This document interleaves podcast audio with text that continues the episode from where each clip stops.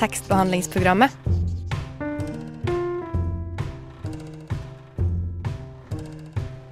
Tekstbehandling på radio.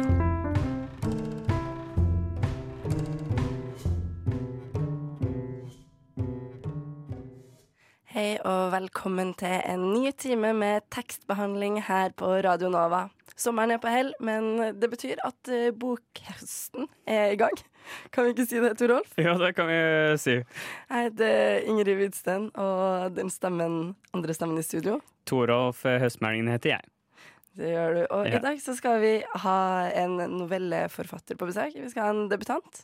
Ja. Vi skal ha Ylva eh, Østby. Det er veldig spennende. Hun har skrevet faglitteratur eh, tidligere om hukommelse.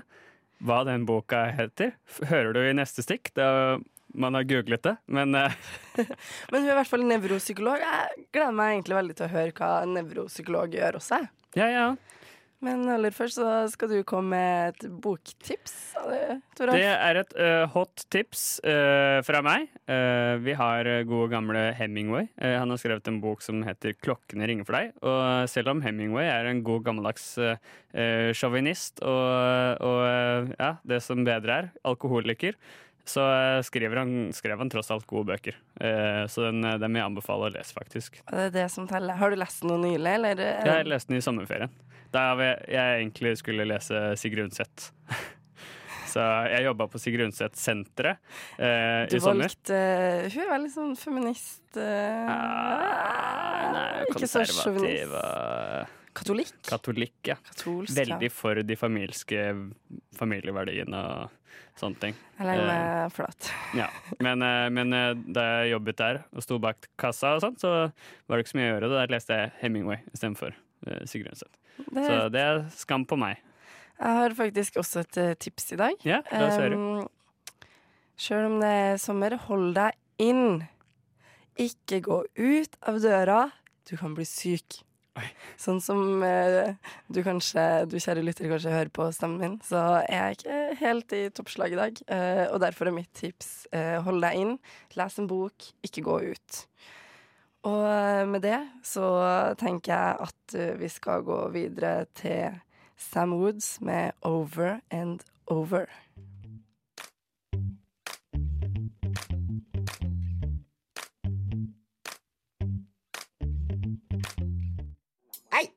Er du hypp på å lese en bok, eller? Nå har vi fått uh, Ylva Østby på besøk. Velkommen. Tusen takk. Du har jo skrevet en bok uh, fra før av. Ja, Du har skrevet uh, mer faglitteratur, eller sakprosa. Ja, sakprosa. Ja.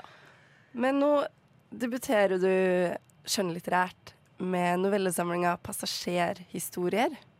ja. Mm. Kan du fortelle kjapt hva slags bok det er? Ja, det er eh, noveller. De eh, handler om eh, passasjerer. Både i fysisk og metaforisk forstand. Eh, de handler om bl.a. noen som reiser til Japan, og som tar nattoget til Stavanger, som tar Hovedøyaferga, som drar på cruise i Middelhavet. Og så utspiller det seg både minner og vanskelige familierelasjoner, da. Det skal vi snakke veldig mye mer om denne sendinga. Ja, men eh, til vanlig så jobber du jo som nevropsykolog.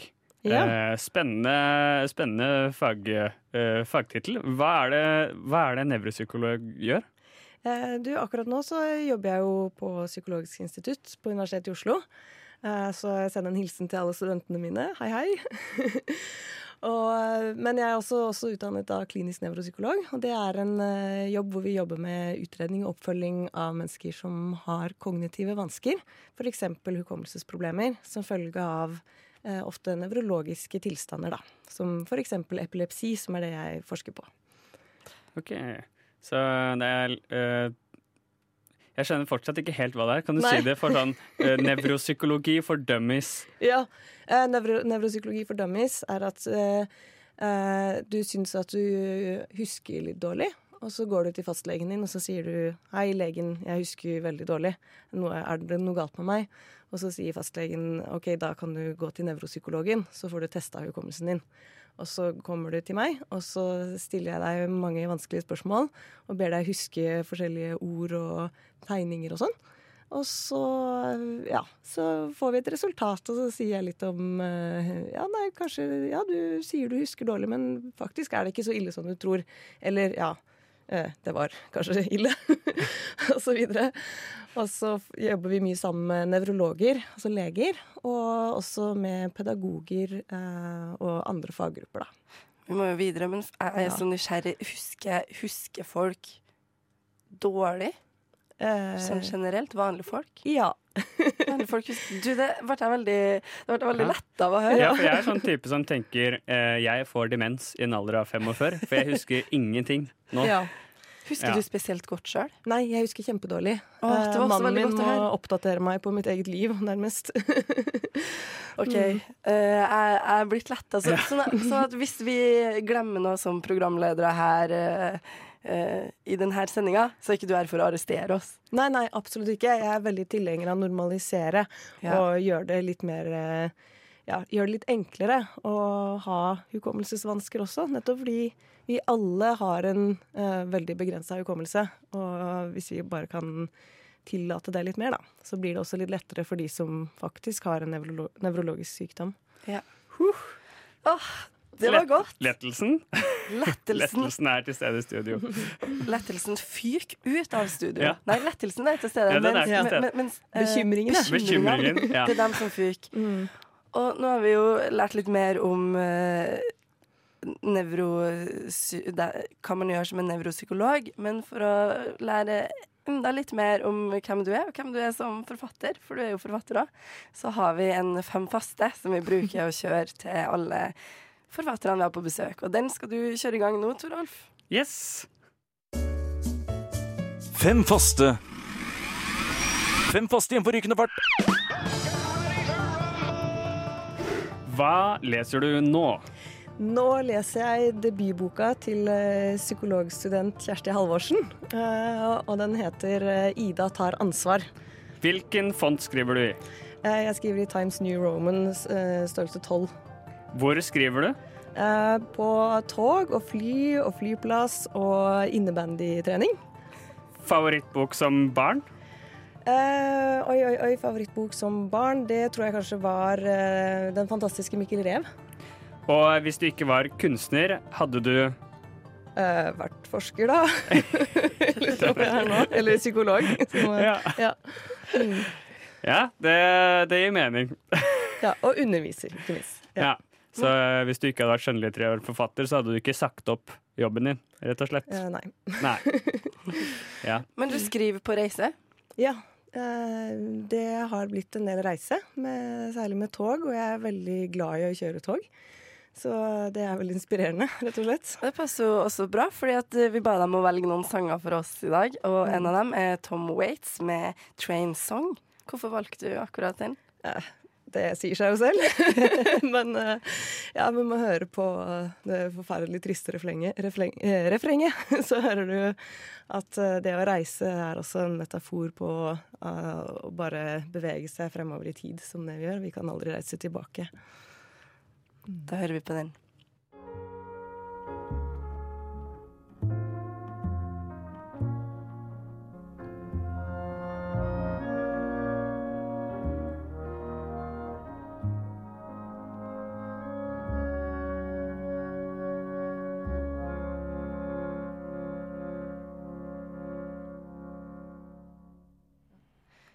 Du hørte Tom Waits med 'Trainsong' her på Radio Nova. Radio Nova. DAB og nettradio. På radionova.no. Radio Nova. Ja, du hører på Radio Nova, og i studio så har vi besøk av Ylva Østby, som er forfatter og nevropsykolog, og har kommet ut med en fin bok som heter 'Passasjerhistorier'. Og den heter jo 'Passasjerhistorier', så hva slags Du s- nevnte så vidt noe om det før, men hva slags rolle har egentlig reise i denne novellesamlinga? Eh, Den har jo en ganske praktisk eh, rolle. Det er eh, mange av novellene som har reise som ramme. Eh, men ikke alle. Men, eh, eh, så jeg bruker det også som en mer sånn metaforisk begrep, da. Å være passasjer i, i sitt eget liv, eller i andres liv, eller i egne minner. Og at det er en liksom følelse av å bare bli dratt med. ja. Mm. Men passasjerer de sitter jo ofte bare og glor òg. Det er jo litt det som skjer i boka. Det er ganske mye eh, observasjoner og, og stillesitting, er det ikke det? Eller? Ja, syns du det? Ja, ikke Altså, det er mer sånn at Mm. man som leser får et slags uh, Hva skal man si? Skuevindu inn i, Ah. inn i forskjellige små, små historier. Ja, jeg tenkte en Takk. på den um, uh, Jeg vet ikke om dere har sett noe særlig sånn Wes Anderson-filmer?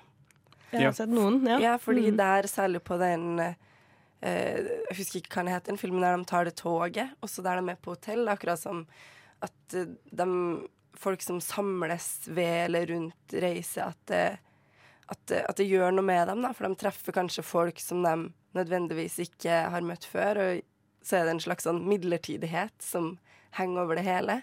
ja. Er det noe du har tenkt på i Ikke noe jeg har tenkt på, men eh, det var en veldig fin tanke. Og jeg er jo veldig glad i Agatha Christie, og der er det jo, skjer det jo alltid veldig mye på toget, da. Eller Mm. på, på reise. Så ja, det er en fin måte å samle sammen folk. Um, så er det jo mange som tenker på reise at det er at man ankommer noe, da. At det er et endepunkt osv. Men uh, jeg føler vel at i de fleste novellene mine så er det mer eh, man ankommer ikke noe sted. Det er ikke noen sånn avslutning.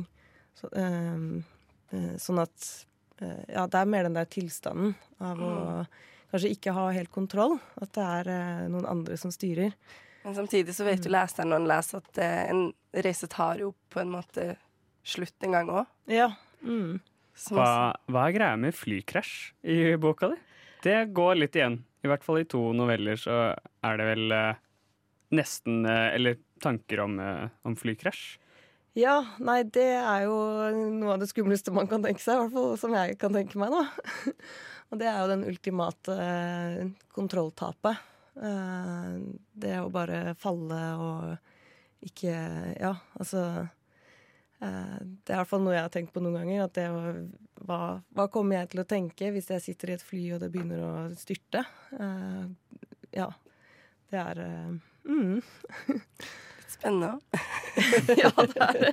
kan man si det? Jeg ville jo egentlig helst ikke tenkt på det, men så skrev jeg om det. Så. Ja, men det blir jo litt sånn skjebner for, eh, for karakterene i eh, noen av novellene også. For eksempel uh, den ene novellen som heter uh,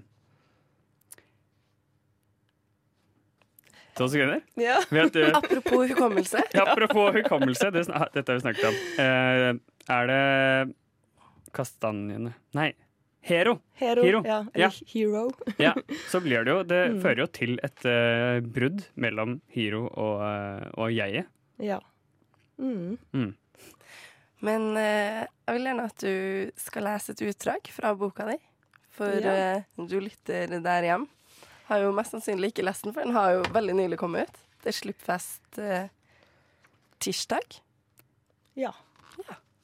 Så ja, så det er kanskje etter eh, Eller da har det kanskje allerede vært. Ja, vi sier det var i går. Vi sier det var i går. Ja. Ja. OK, du kan starte når du er klar. ja. Eh, I dette utdraget så er det altså jeg-personen og eh, en som heter Hiro, eh, som er på vei i fly til Japan.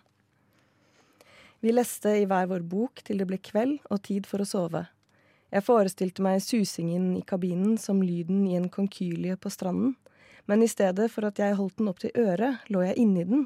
Det var flyskroget som var skjellet, forsiktig rullende langs bølgene i strandkanten. Og så drømte jeg om deg.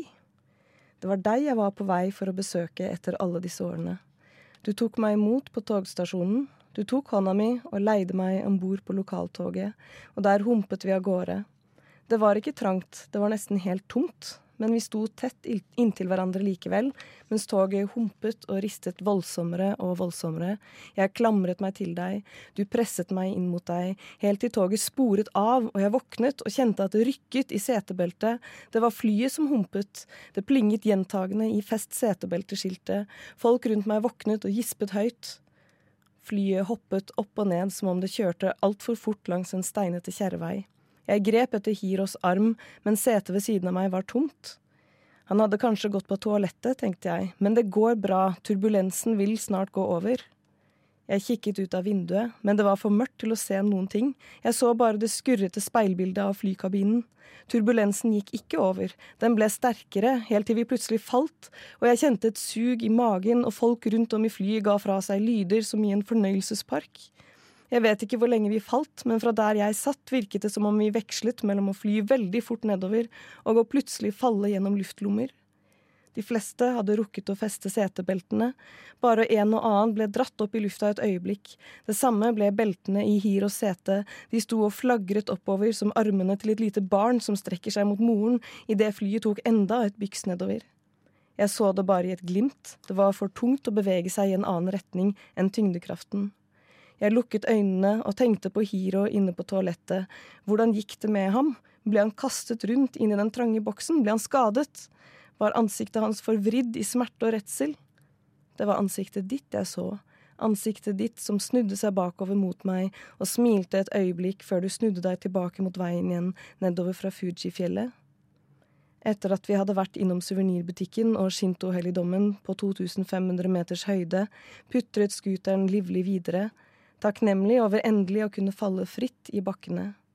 Vinden var kald mot kinnene og i øynene, og jeg ble svimmel av farten.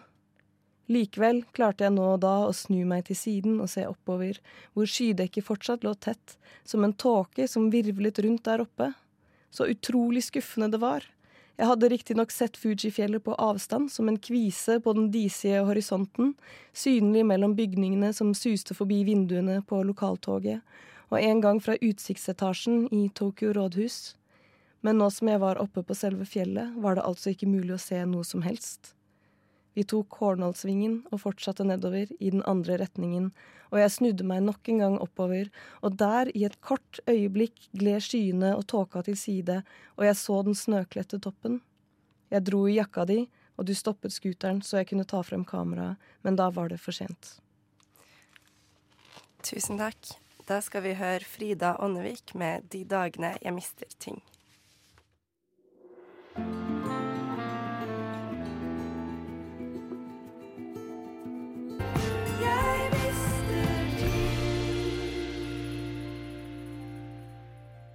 Hei, jeg heter Aune, og du må høre på tekstbehandlingsprogrammet. Fordi kunnskap og viten, det er det mest vidunderlige på denne jorden. Ja, du hører på tekstbehandlingsprogrammet, og i stad så hørte vi Frida Åndevik med 'De dagene jeg mister ting'. Og det er en sang som eh, du har valgt, eh, Ylva. Ja, Og hvorfor valgte du akkurat den? eh, fordi jeg er veldig fan av Frida Åndevik, for det første. Og for det andre fordi at denne sangen eh, den, handler, den har jo mange lag, men den handler også om, om hukommelse, tenker jeg. Og det er jeg veldig opptatt av. Ja, du er jo nevropsykolog. Ja, og forsker på hukommelse og, ja, og skriver en del om, også om hukommelse i den nye novellesamlingen min. Uh, og det å altså, Noen ganger så føler man at man uh, uh, At man glemmer ting, da, og så kommer det tilbake igjen seinere. Ja, fordi det skjer jo med veldig mange i boka di, eller novellesamlinga, passasjerhistorier. Fordi det er flere av karakterene som er på en måte litt sånn fanga i egne minner, som ikke helt kommer videre, og som er også litt sånn usikker på egne minner. Blant annet ei som husker at hun blir kasta brennmaneter på, Ja. som hele tida går igjen i hele novella. Men helt på slutten så er hun sånn men, men kanskje det var glassmaneter likevel? Mm. Hvorfor uh, er, er minnene så usikre? Kan vi ikke stole på minnene våre?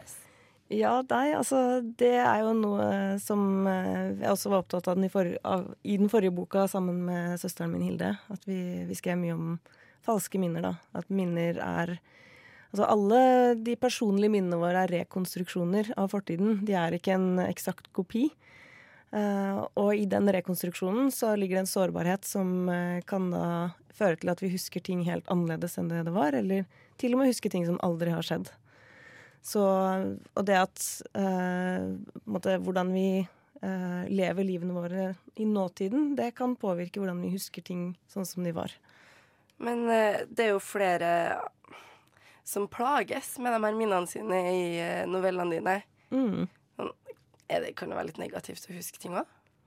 Eh, ja, absolutt. Eh, altså, veldig mange som har opplevd veldig traumatiske ting, og opplever jo ofte det at det er nettopp minnene som bare kommer igjen og igjen og igjen av det traumatiske som har skjedd, som er, eh, som er veldig, veldig plagsomt. Så jeg har møtt veldig mange mennesker som Altså, mange spør meg om hvordan kan man få bedre hukommelse, men det er også mange som spør hvordan kan jeg slette minner. Og det er jo ikke bare bare. Du er jo nevropsykolog, som vi eh, blir mantra for denne sendingen, tror jeg. Eh, hvor mye eh, har du tatt med deg inn i denne boka som fagperson? Hvor mye er, det, hvor mye er du fagperson i denne boka her også? Uh, I prosent så kanskje 10% Ja. Nei, altså jeg har en del ideer og inspirasjon fra faget mitt. Uh, men det er ikke noe jeg har tenkt at nå skal jeg lage en fiffig novelle om falske minner, f.eks. Uh, det er bare Ideene har bare kommet sånn av seg selv. Det er kanskje mer underbevisst at siden du jobber veldig mye med det, så vil det være naturlig å skrive Ja. om det, på en måte. Ja. Mm. Og så syns jeg det er veldig fascinerende å lese om minner og hukommelse i skjønnlitteratur generelt. Så eh, det er vel kanskje også noe jeg tenkte liksom ja, Det vil ikke jeg gå glipp av, altså. Det vil jeg også skrive om. mm. Det er jo veldig i tiden eh, nå også. Det er en mm. forfatter som heter eh, Siri Hustvedt, som også har skrevet en bok som heter 'Minner om uh, fremtiden'. Hvis Ja. jeg ikke helt feil. Mm. Uh, og der er det mye om at minner er uh, Hva skal man si? Miljøbestemte, da, på en måte. Ja.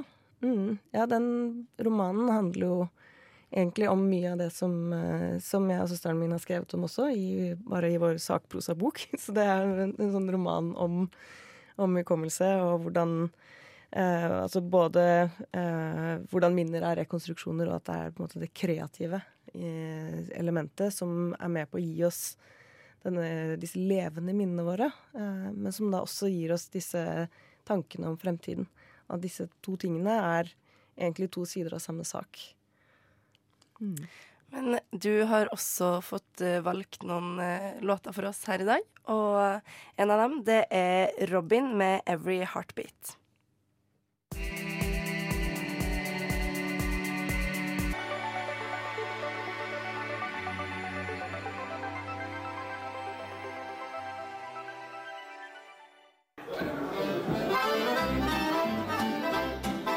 Hvis du går hjem med noen og de ikke har bøker, ikke knull dem.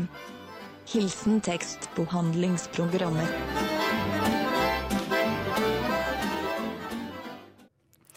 Ja, du hører på tekstbehandlingsprogrammet, og i stad så hørte du Robin med 'With Every Heartbeat', som også er en sang som du, Ylva Østby, har valgt for oss i dag. Og hvorfor valgte du denne sangen? Eh, jo, den valgte jeg fordi at eh, en av novellene mine eh, skjønte jeg i ettertid at jeg må jo ha vært eh, inspirert av den sangen, rett og slett. Jeg var, var ikke det bevisst, men eh, forfatter Ylva eh, har plukket opp det og brukt det i en novelle. På hvilken måte var du bevisst Nei, på hvilken måte var du inspirert av den sangen?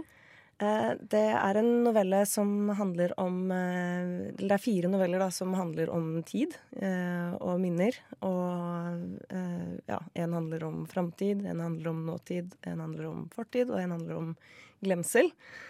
Og den novellen her handler da om nåtid. og det, måte det øyeblikket, og hva, hva det er for noe, egentlig. Og hvordan øyeblikkene kan henge sammen gjennom fortid også ja, og i nåtid. Da tenker jeg at du skal få lov til å lese et utdrag fra det. Altså fra boka 'Passasjerhistorier', inspirert av Robin 'With Every Heartbeat'. Ja, og denne novellen heter 'Jeg er ekko' eh, to. Eh, og den eh, nå, handlingen nå er eh, at jeg-personen er barn og er på Hovedøya sammen med moren sin. Jeg tar ett skritt lenger ned, finner bunnen med foten, men der er det også tang og skjell og spisse små steiner. Begge føttene på skarpe ting, den ene hånda på svalberget, den andre på den glatte pelssteinen. Jeg lukker øynene, Armene dirrer. Jeg kan svømme. Jeg kan svømme helt inn til byen hvis jeg må. Eller jeg kan klatre opp på berget igjen, men da må jeg sparke fra med føttene som balanserer på kanten av skjellene. Så kommer bølgene. Først prøver jeg å holde meg fast, men det nytter ikke. Bølgene holder på å dytte meg med hodet først mot fjellet, og nå bare må jeg sparke fra for å slippe meg ut i vannet, og jeg svømmer alt jeg kan utover i bølgen, vekk fra steinene. Føler meg sterk som klarer å komme meg uti, ligger på ryggen i bølgen og blir med opp og ned. Mamma møter blikket mitt, hun smiler, har sunket litt sammen igjen. Det er først når jeg kommer meg opp av vannet at jeg merker såret under foten. Blodet renner og blander seg med vannet på huden. Jeg sitter på svalberget ovenfor steinene, ser blodet spre seg utover foten, en vifteform av blod. Jeg tar hånda og klemmer rundt. Mamma kommer ned fra plassen sin. Har vi plaster, spør jeg. Ikke gråt da, sier hun, dette er jo ikke farlig. Hun henter håndkleet mitt. Her, vi surrer dette rundt, så gir det seg snart, sier hun, og så går hun og setter seg igjen. Hun retter litt på seg, så åpner hun boka igjen. Det dunker og dunker i foten der inne i håndkleet. Det er hjerteslagene mine. Hjertet mitt i foten. For hvert dunk begynner et nytt nå. Nå gjør det vondt. Nå, nå, nå, nå, nå.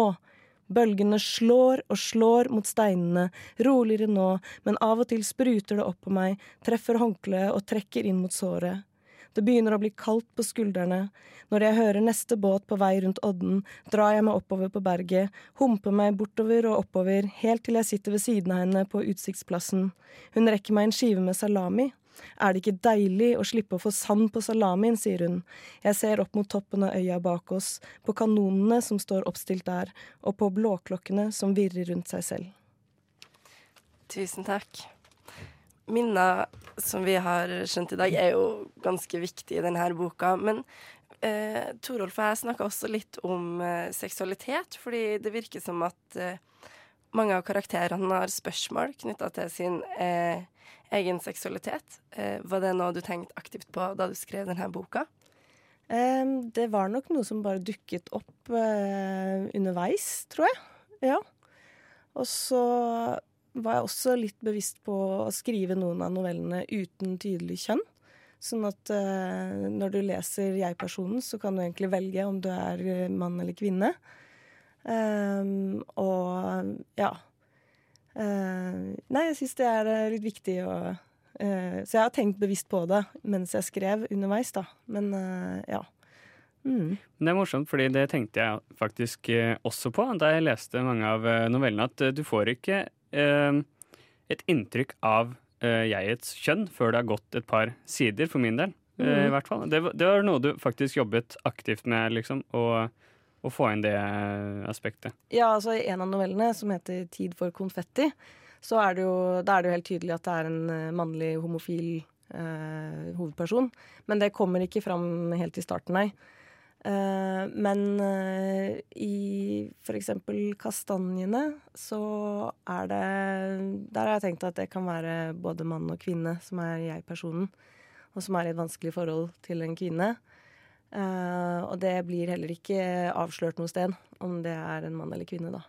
Fordi den uh, Blir det konfetti uh, handler om uh, den, altså Maja og et jeg. Er, eh, nei, nei. Tid for konfetti nei, handler om Audun. Kastanjene var det. ja. ja. kastanjene handler om en navnløs kvinne og en navnløs jeg-person. Ja. Som, Men hun får jo ja. også barn, og det er noe med ja, Jeg den, har jo tre barn med en annen mann.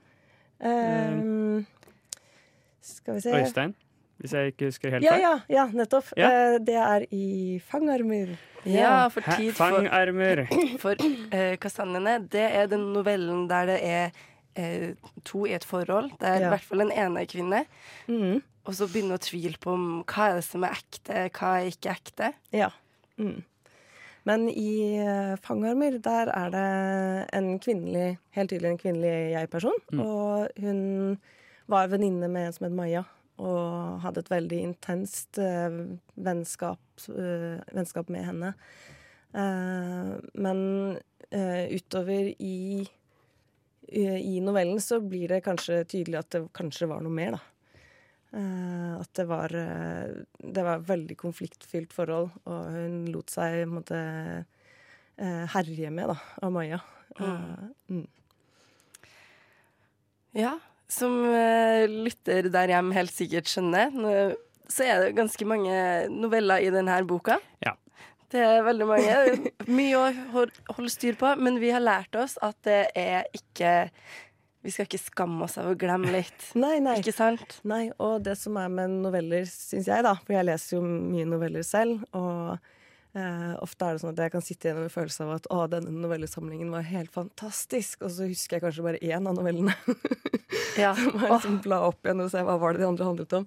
Så det, ja, det syns jeg må være greit. Men opplevelsen kan jo være fin uh, likevel, Ja. sjøl om man Ja, ja. glemmer det etterpå. Men nå er vi dessverre tom for tid. Tusen takk for at du kom på besøk til oss i dag i tekstbehandlingsprogrammet, Ylva Østby. Tusen takk for at jeg fikk komme.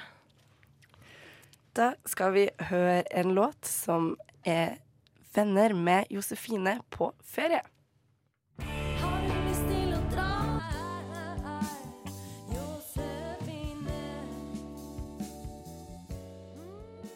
You have bewitched me, body and soul, and I love, and love, and love. Tekstbehandlingsprogrammet på Radio Nova. Ja, du hører på tekstbehandlingsprogrammet, og i stad så hørte du 'Venner med Josefine på ferie'. Og denne sendinga fortsetter å handle om minner, for vi skal høre Anna, som skal gi en kort anbefaling og en smakebit av Siri Haustvedt sin siste bok 'Minner om fremtiden'. Hvordan skriver man rettferdig om fortiden? Hvordan huske tanker man hadde for 20 år siden? Hvordan bruke sine egne ungdomsskriverier i romanen man skriver som voksen? Og er det egentlig så viktig å huske ting helt riktig? I Siri Hustvedts nyeste roman 'Minner om fremtiden' svever jeget i romanen ut og inn av fortiden og fremtiden. Minnene fra forfatterspirens ungdomsår i New York tar opp mesteparten av romanen.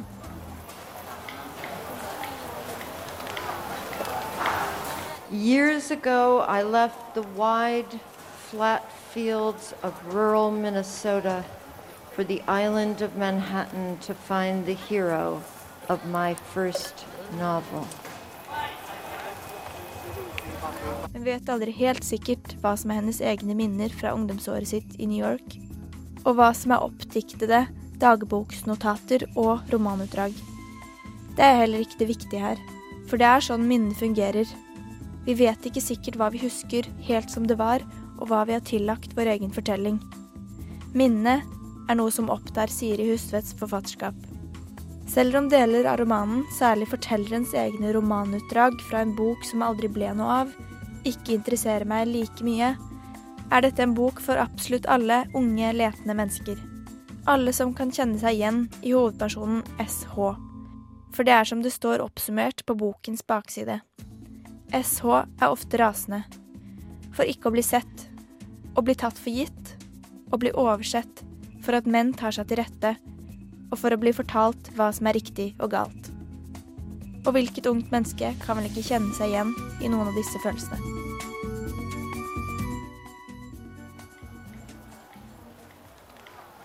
When I arrived in August of 1978, he was not a character so much as a rhythmic possibility, an embryonic creature of my imagination, which I felt as a series of metrical beats that quickened and slowed with my steps as I navigated the streets of the city.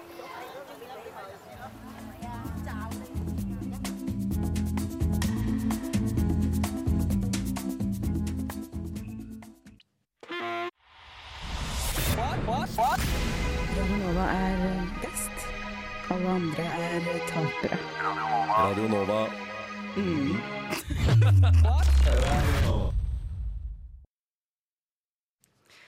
Da hørte vi Anna fortelle litt om eh, Eller gi en bokanbefaling. Eller smakebit av Siri Hustvedt sin siste bok. Begge deler, kanskje?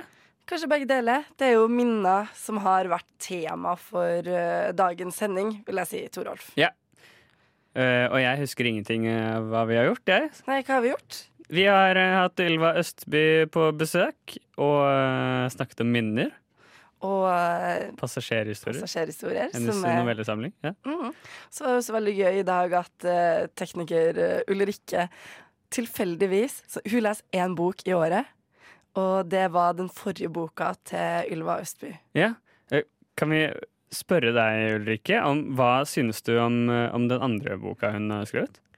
Den eh, første Ja, den eh, Jeg har ikke kommet så langt ennå, men den den tror jeg er litt mer sånn faktabasert. eh, fordi ja, det står mer om eh, hvordan hukommelse fungerer og Ja, så ikke, ikke noe veldig-samling, da. Og nå har du jo fått den signert, så nå må du faktisk Ja. lese den. Ja, jeg gleder meg veldig mye. Hun skrev at jeg skulle huske å lese hele boken. Det er gøy. Men vi har også lært i dag at vi ikke skal skamme oss for å ha litt dårlig hukommelse, for det har alle. Det er helt, helt vanlig. Ja, og det er jeg veldig glad for. Altså, øh, fordi jeg Altså, nå, jeg, dette har jeg kanskje sagt før, jeg husker det ikke, men jeg er helt sikker på at jeg får demens som sånn 42-åring. Men da blir jeg førtidspensjonert, da. I det Men det lytteren må huske, sjøl om, men ikke skam dere hvis dere ikke husker det, men husk det, det er å følge oss på Instagram, hør tidligere sendinger på podkast-apper. Spotify. Vi er på Nå. Spotify. Vi er på Spotify. Vi Følg oss er- på Facebook. Følg oss. Klikk en like der. Gjør det. Snapchat har vi ikke fått ennå. Men uh, kanskje det kommer. Nei. Nei. Uansett, det må dere huske. Eh, takk for i dag. Eh, I studio her i dag så var jeg Ingrid Widsten. Jeg, Torolf Østmælingen. Og tekniker Ulrikke Svenne. Der var du. takk for oss. Takk for oss. Tekstbehandlingsprogrammet.